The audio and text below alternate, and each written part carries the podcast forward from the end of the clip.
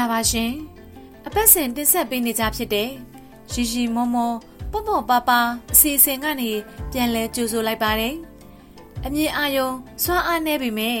အများအကျိုးကိုကူညီဆောင်ရွက်ပေးတဲ့သူ လူအများကချစ်ခင်ခြင်းကိုခံရသူထွန်းဦးစာပေပဲ့ကန်ရှင်ဦးထွန်းဦးရဲ့66နှစ်ပြည့်မွေးနေ့လေးအကြောင်းကို တင်ဆက်ပေးပါရစေရှင်ဒီအစီအစဉ်ကို တင်ဆက်ပေးမဲ့သူကတော့ MCA Network ရဲ့အတန်ဆွမ်းရည်ရှင် အေးစုမမရှင်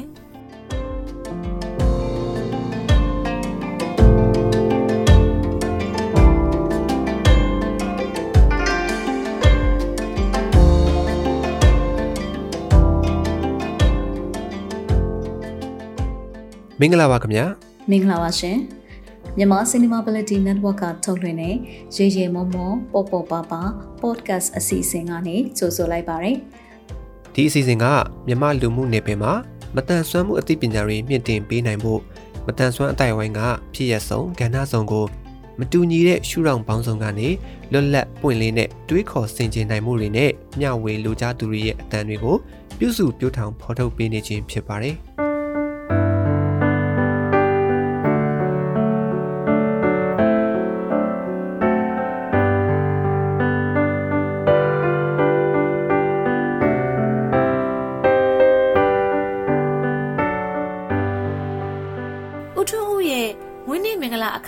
ကစက်တင်ဘာလ22ရက်ပါဦးထွန်းဦးရဲ့မွေးနေ့ကိုအစဉ်အစဉ်အမျိုးမျိုးနဲ့ဥဆောင်ကျင်းပပေးတာကတော့ဇာတိမန်စာဖတ်အသင်းဖြစ်ပါတယ်ရှင်ဇာတိမန်စာဖတ်အသင်းဟာဆိုလို့ရှိရင်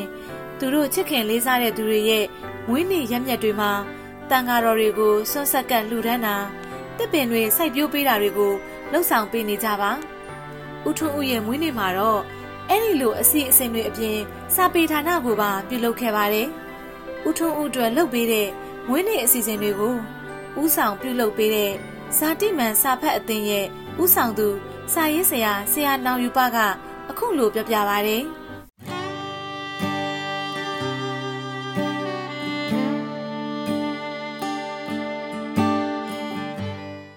တို့ချစ်ခင်လေးသားတဲ့လူတွေရဲ့ကျွန်တော်မိုးလင်းမှာဆိုရင်ကျွန်တော်ကဒီ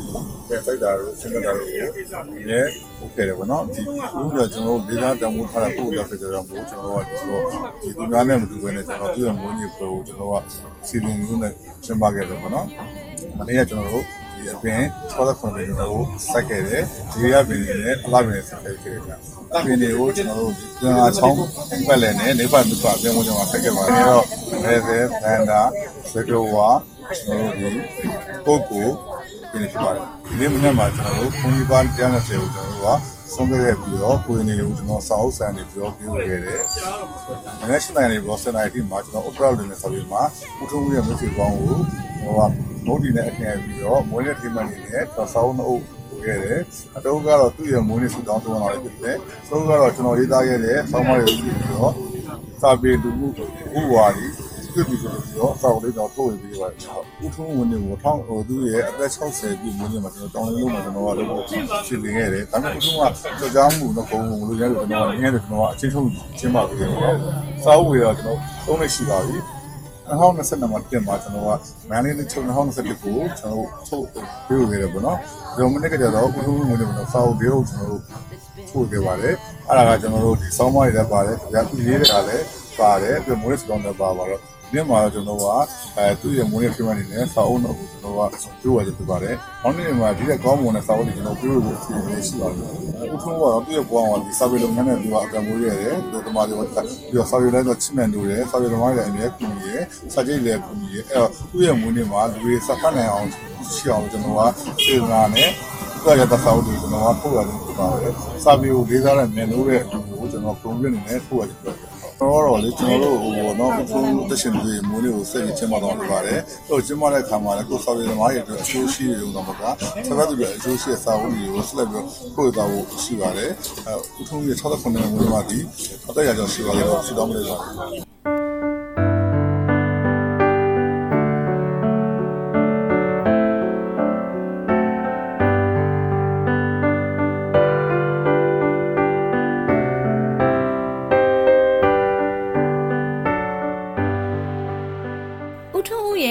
မိတ်ဆွေတွေကိုစာပေဒါနပြုလုပ်ပေးတဲ့နေရာကဥတ္တရလင်းပြင်းစာပေမှာပါ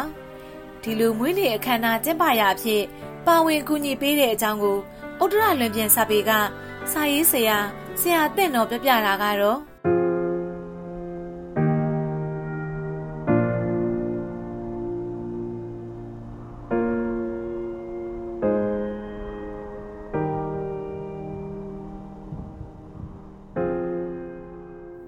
ပြပေါင်းများစွာစာအုပ်စာပေလောကမှာကျင်လဲနေတာပေါ့နော်စာအုပ်ဈေးကွက်စာအုပ်အယောင်းဝယ်လောကစာအုပ်နယ်ပယ်ထဲမှာနှစ်ပေါင်းများစွာကျင်လဲတဲ့အခါမှာဒီကနေ့ဘွာအရင်ဆုံးနဲ့ဒီကနေ့မန္တလေးမှာရက်တည်နေနိုင်တဲ့အနေအထားမှာထုံးအဖေဥပမောင်လက်ထက်ကလေးကကိုတို့ကအထူးဆိုင်ရာစာအုပ်တွေဝယ်ပြီးလက်လီရောင်းတယ်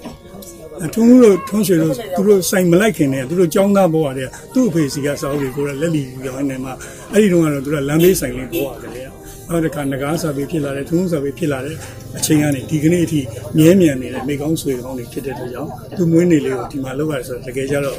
တာတာမန်အနေထားလေးပါပဲအသူမွေးနေ့လေးဒီမှာလုပ်ချင်တယ်လို့ကိုလောင်ကပြောတာကလုပ်ပေါ့လော်လည်လေးပဲခွင့်ပြုပြီးဒီမှာလုပ်ဖြစ်သွားတာအခုမှမဟုတ်ပါဘူးမနစ်ကောနောက်တစ်ခါဘာပွဲမဆိုဒီဒီမှာပဲလုပ်ဖြစ်နေတာ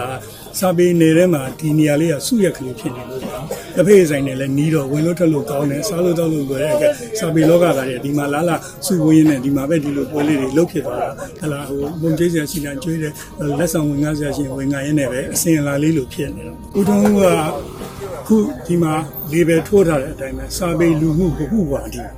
စာပေကိစ္စအဝါဝါလည်းသူပါဝင်ဆောင်ရဲ့ကူညီတယ်လူမှုရေးကိစ္စအဝါဝါလည်းအများကြီးပါဝင်ကူညီဆောင်ရတဲ့အခါသူ့လိုလူတယောက်ကိုသူ့မွေးနေ့မှာအခမ်းအနားလေးကျင်းပရတယ်ဒီလိုအမတ်တရမိတ်ဆွေတွေနဲ့တွေ့ဆုံရတယ်ဒီလိုစာအုပ်တွေကိုဒါနပြုရတယ်ကျွေးရမွေးရဆိုတော့အများကြီးပီတိဖြစ်ပါတယ်နောက်ကိုယ့်ရဲ့မိကောင်းဆွေကောင်းတယောက်ကိုယ့်အပေါ်မှာလည်းအမြဲတမ်းသိနာလည်ပြီးတော့လက်ခံပြီးတော့အမြဲတမ်းရင်းနှီးတယ်နောက်ကိုတို့တွေကယနေ့မန်းလေးစာအုပ်တိုက်ဆိုတာကိုထူထောင်ခဲ့တဲ့ founder တွေ အရင်အချာတယ်နှစ်ပေါင်းများစွာ1986ခုနှစ်ကတည်းကဒီကနေ့အထိဒီလိုလူတယောက်အတွက်ကိုဟာသူ့ရဲ့မွေးနေ့မှာလုပ်ပေးခွင့်ရတယ်ဆိုတော့ဂုဏ်ယူပါတော့ရင်းတာပါတယ်သူအသက်ရှည်ဖို့ကြမ်းပါဖို့လည်းအများရန်ဆုတောင်းနေပါတယ်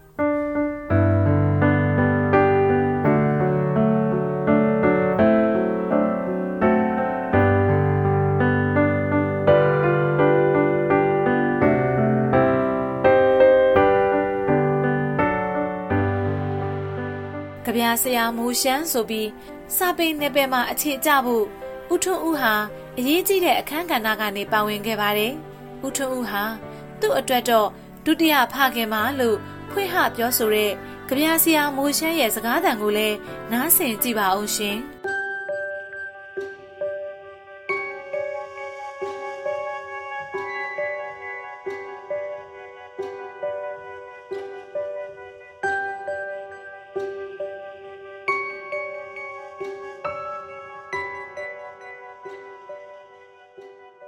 ဦးထုံးဆိုတာကတော့ကျွန်တော်ရဲ့ဒုတိယဖခင်။ဘာလို့လဲဆိုတော့ကျွန်တော်မန္တလေးကိုခြေချဖို့အတွက်ပေါ့နော်။စပင်းနယ်ကိုခြေချဖို့အတွက်ကိုထုံးကအဲကျွန်တော်ရဲ့အရေးကြီးဆုံးခန်းခန္ဓာနေပြီးတော့ပါဝင်ခဲ့ပါတယ်။အားလုံးကလည်းတွဲပြီးတော့ပေါ့နော်။ကိုထုံးနဲ့အတူတူတွဲပြီးတော့ကျွန်တော်ကိုတစ်ချိန်လုံးအဲ့ချိန်တော့ကျွန်တော်လာမင်းတစ်ပေါ့နော်။အဲလာမင်းတစ်ဆိုပြီးတော့ကျွန်တော်ရှိခဲ့တယ်။အင်မတန်ကျေးဇူးကြီးမားတဲ့ကျွန်တော်ရဲ့ကျေးဇူးရှင်ပါ။ဟိုလာမင်းတစ်ဆိုပြီးတော့ကျွန်တော်စာရေးရပေါ့နော်။အဓိကတော့ဂျာနယ်တွေပေါ့။ဂျာနယ်တွေကိုကျွန်တော်ရေးတယ်။သူကနေပြီးတော့အထူးသဖြင့်တော့ ဟိုဂျာနီတွေထုတ်မယ်ဆိုရင်ရန်ကုန်ကလူကမန်းလေးလာတာများတယ်မန်းလေးလာရင်ကိုထုံးနဲ့တွေ့ရတာကိုထုံးနဲ့တွေ့ရရင်ကျွန်တော်ကိုထုံးနဲ့ပတ်သက်နေတော့အဲအနိကရှိနေတော့ဗောအနိကရှိနေတော့မန်းလေးတာဝန်ခံတို့ဘာလို့ဗောလားအဲလုံးမယ်ဆိုရင်ဒီမှာလာမင်းသစ်ရှိရလာမင်းသစ်ရှိရဗောနော်သူအဲ့ဒီလိုလေးတွေချိတ်ပြီးရပြီးကြတော့အဲအဲ့လိုချိတ်ပြီးရင်လည်းသူကနောက်ွယ်မှာတော့သူကဘာဖြစ်လဲဆိုတော့သူကသူကတော့အာမခံနိုင်ပြီကြိုးသားပေါ့အကျိုးသားဒါအပေါင်းဝင်ပေါ့နော်အကြောင်းကြောင်းဒီအာဝလာဂျာနယ်တွေ supplement ပေါ့နော်ချက်ပူတွေကိုလည်းသူကနေပြီးတော့နာမည်ခံပြီးတော့ပေါ့နော်ကျွန်တော်ကိုလုပ်ခံပြီးတော့အဲ့မှာကျွန်တော်ဟိုဂျာနယ်ဟိုတည်င်းတော့ပေါ့နော်အဲ့တော့တည်င်းတော့ဒီလောက်တာရောဒီချက်ပူတွေလောက်တာဆိုတော့အဲ့ခြေနေအဲ့ခါနေပေါ့နော်ကျွန်တော်ထင်ပါတယ်2000ဝန်းကျင်လောက်ကစပြီးတော့ကျွန်တော်နည်းနည်းအခြေအနေကောင်းလာတယ်အဲကျွန်တော်ကျွန်တော်ဘဝအတွက်တကယ်အရေးကြီးတဲ့ခိုင်ခံတာပေါ့ကျွန်တော်ချီမမဲ့လဲမမဲ့နေပြီးတော့ဒီနေ့ချိန်လုပ်ငန်းရှင်တယောက်ဖြစ်လာမှာကိုထုံးရဲ့ ပန့်ဖို့ကိုစက်ပိုရင်းလုံးမှာ80ရာခိုင်နှုန်းလောက်ပါတယ်ပြောလို့ရအောင်ကျန်တာကတော့ကျွန်တော်ကြိုးစားလို့ဖြစ်အဲကျွန်တော်အကိုပေါ့နော်ကျွန်တော်အကိုကျွန်တော်ရဲ့ကျေးဇူးရှင်အဲဒီနေ့ကြာရောက်တဲ့60ကျောင်းတဲ့ပြည်မွေးနေ့ပေါ့နော်မွေးနေ့မှဒီလဲအဲနောက်ထပ်နှစ်ပေါင်းများစွာပေါ့နော်အဲကျွန်တော်တို့ဟိုကျမ်းမာ၍ပေါ့နော်ပျော်ရွှင်တဲ့မွေးနေ့တွေကိုဖျက်ဆီးနိုင်ပါလေလို့ကျွန်တော်ဆုတောင်းပါတယ်ခင်ဗျာ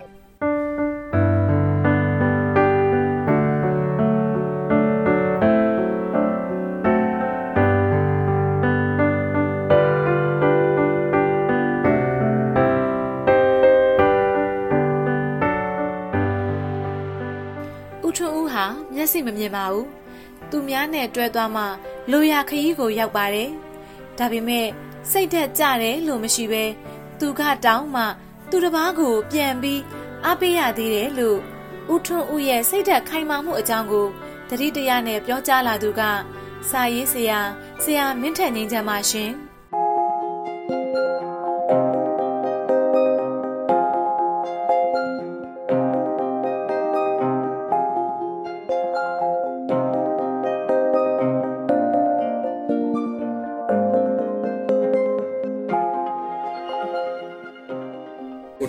ကျွန်တော်တို့မန်လေးရဲ့ဟိုထိတ်မှတ်တကူဖြစ်တယ်နော်ကိုထူး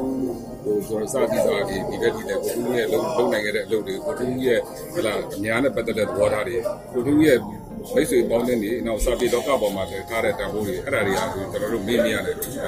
ကျွန်တော်ပြောမှမဟုတ်အားလုံးလည်းသိပါနောက်ထူးခြားတာကိုထူးကဟလာကာလတစ်ခုမှာရွယ်ရောက်ပြီး အဲကာလတစ်ခုကျတော့သူကမျက်မမြင်ဘဝရောက်အဲ့မျက်မမြင်ဘဝမှာသူ့ရဲ့စွမ်းဆောင်မှုတွေကဟိုးအောင်ဟောတယ်လက်ရှိမျိုးသူများဘက်မှာသွားနိုင်တဲ့ဘဝရန်ကုန်နေထိလည်းရောက်ခဲ့တယ်။နော်နိုင်ငံခေါင်းဆောင်တွေလည်းဆောင်ခဲ့ရပါတယ်။နော်စာပေနဲ့ပတ်သက်လို့ရှင်လည်းသူကကွန်ပီတွေမှာအများကြီးလှုပ်လှုပ်ခဲ့တယ်။နောက်သဘောပေါက်ခြင်းနဲ့ပတ်သက်စေအောင်ဆိုမှလည်းဗန္ဒာရေးမှုတောင်ခဲ့တယ်။တာမန်တာဘူးယူတာမဟုတ်ဘူး။သူ့လက်ထက်မှာသူကြာရနာနာသူကဏ္ဍတွေကြာရနာတောင်းခဲ့တယ်။နေဆုံးကိုထူးကျမ်းမာစဉ်ကာလဆိုရှင် မျက်စိမမြင်တော့လည်းပဲသူနေ့စဉ်ထွက်နေတဲ့အဲ့ဒီခုနစာဆောင်တွေ channel တွေကိုနေ့စဉ်မနေ့တိုင်းမှာသူ့တာဝန်သူယူပြီးသူဖြန့်ချီနေတာတွေကအတန်ချောချောမဟုတ်ဘူးပဲအဲ့ဒါတွေမြင်လို့အားရကြတယ်နောက်တစ်ခါကဘယ်တော့မှစိတ်ပြတ်တဲ့အားငယ်ဆိုတာမရှိဘူးသူကတော့ပြန်အားပေးရတယ်ခုနကပြောလို့ငင်စွာချွတ်တွဲဆိုလည်းပဲအလုပ်တွေကငင်စွာရှိသူတွေတက်တော့အများကြီးလုပ်နိုင်ခဲ့တယ် နောက်ရဲ့သူ့ရဲ့ချစ်ခင်မှုစာပေလောကဆရာသမားတွေပေါ်မှာတံမိုးထားမှုမိတ်ဆွေတော်တွေပေါ်တံမိုးထားမှုအဲ့ဒါတွေကဒီနေ့ဒီအဲ့အငွေသက်တွေကရှိနေတော့တယ်ဒီနေ့ဒီလည်းကူညီနေတော့မယ်တို့တော့ဒီနေ့လုံမွေးနေ့မှာသူကအဲ့ရထက်ကပဲနေရတဲ့အတွက်စိတ်တော့မကောင်းဘူးသို့တော့ကိုထူးရဲ့ဒီ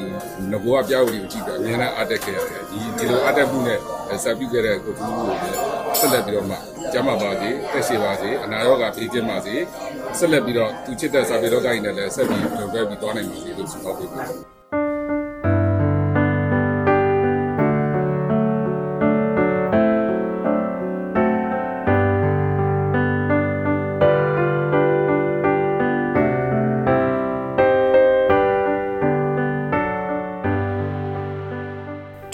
ပေမှာစာအုပ်ဝယ်ရင်ခင်မင်ရင်းနှီးရတယ်။နောက်ပိုင်းမှာတော့အာကိုရစိတ်ချရယုံကြည်ရတဲ့မိတ်ဆွေတွေဖြစ်လာကြပါတယ်တဲ့။မိတ်ဆွေကြီးဦးထွန်းဦးအတွက်ဆရာဒေါက်တာအောင်မြင့်စေးမန်းကလည်းမွေးနေ့အမတ်တရစကားပြောခဲ့ပါသေးတယ်။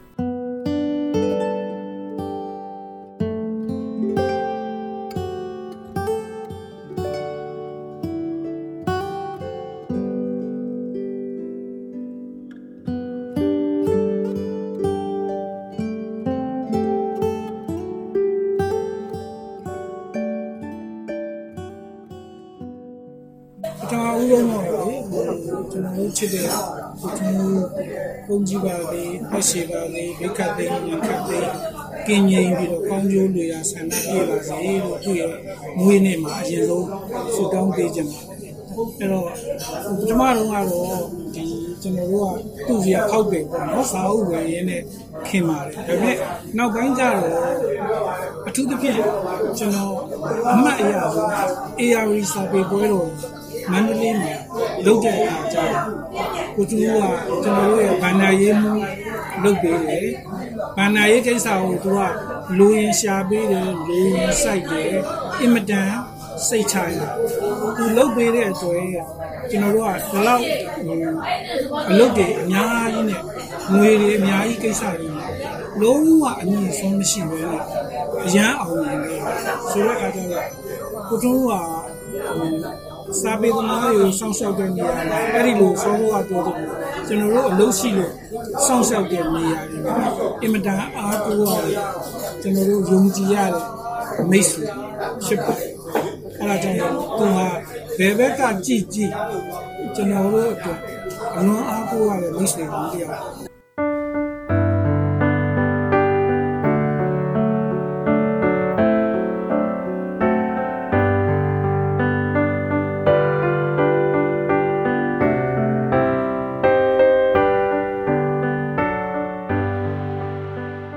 ပျော်ခရီးအလဲခရီးတွေကိုဘသူတွေနဲ့အတူတူသွားကြတယ်ခရီးစံမှာဘသူတွေပါတယ်ဆိုတာကိုအတူတူသွားကြတဲ့သူတွေကတော့မေ့နေပါပြီ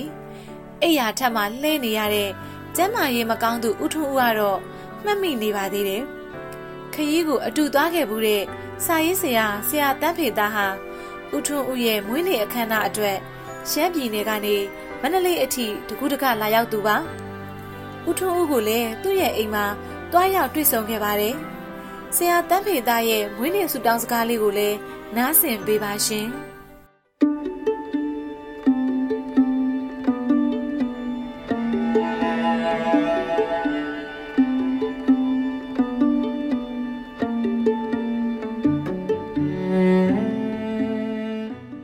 တပိပတ်တိပါ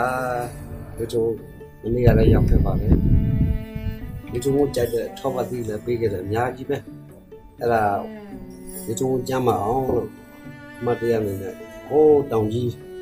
မောင်ရွယ်နွေမင်္ဂလာဆောင်သွားကြတော့ဒီလိုပါသေးတယ်လို့မေးတော့ပါရဒီလိုကအကုန်မှတ်မိနေတယ်ဟိုကိုကတော့အဲ့လိုလေးမမှတ်မိဘူးအကုန်မှတ်မိနေတယ်အဲ့ဒါလေးကလည်းဒီလိုရဲ့မှတ်ဉာဏ်ကောင်းတယ်အဲ့ဒီမညာရအများကြီးပဲဟိုပြန်ပြီးတော့ကြည်ရသေးတာပေါ့ ဒီလိုဘယ်မှာအဲ့ဒါလုံးလို့ပြီးတော့အောင်မန်းမှာဟုတ်တယ်ဟုတ်တယ်အောင်မန်းမှာအောင်မန်းမှာညိုက်တာလည်းသူမှတ်မိတယ်အဲ့တော့ဒီလိုရေအသက်4000ရှိပါသေးလူတစ်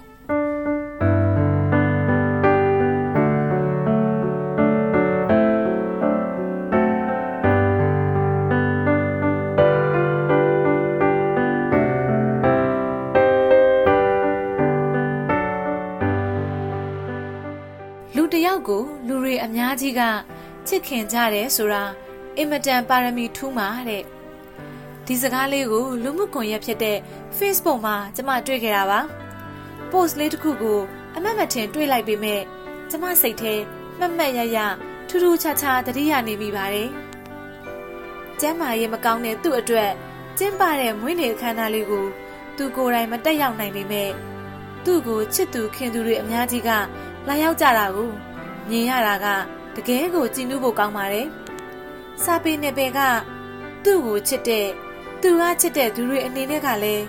သူ့ရဲ့ကျမ်းမာရေးပြန်လည်ကောင်းစေခြင်းနဲ့စိတ်စေတနာကိုလည်းတွေ့မြင်ရပါတယ်။66နှစ်ပြည့်မွေးနေ့ကစပြီးဦးထွန်းဦးအမြဲပြန်လည်ကျမ်းမာပါစေ။ချစ်သူခင်သူတွေနဲ့အရင်လိုပျော်ပျော်ရွှင်ရွှင်လှုပ်ရှားသွားလာနိုင်ပါစေလို့ဝင်းနေစုမုံကောင်းတောင်းပေးလိုက်ပါတယ်ရှင်။ နားဆင်ပေးကြသူအားလုံးကို ကျမကကျေးဇူးတင်ပါတယ်ရှင်။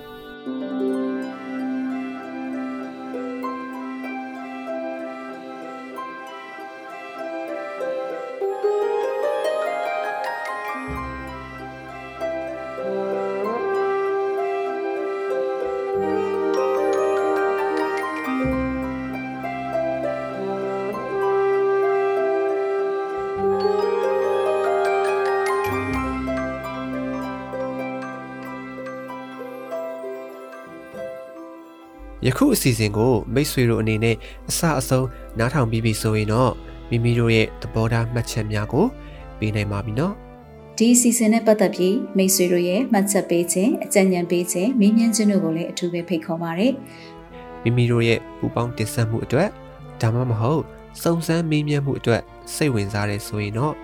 မြန်မာ cinemaability@gmail.com ဒါမှမဟုတ်တင်ဆက်သူများရဲ့ Viber နံပါတ်များဖြစ်တဲ့ကိုပြည့် 39 26 125 6493နဲ့မနွေ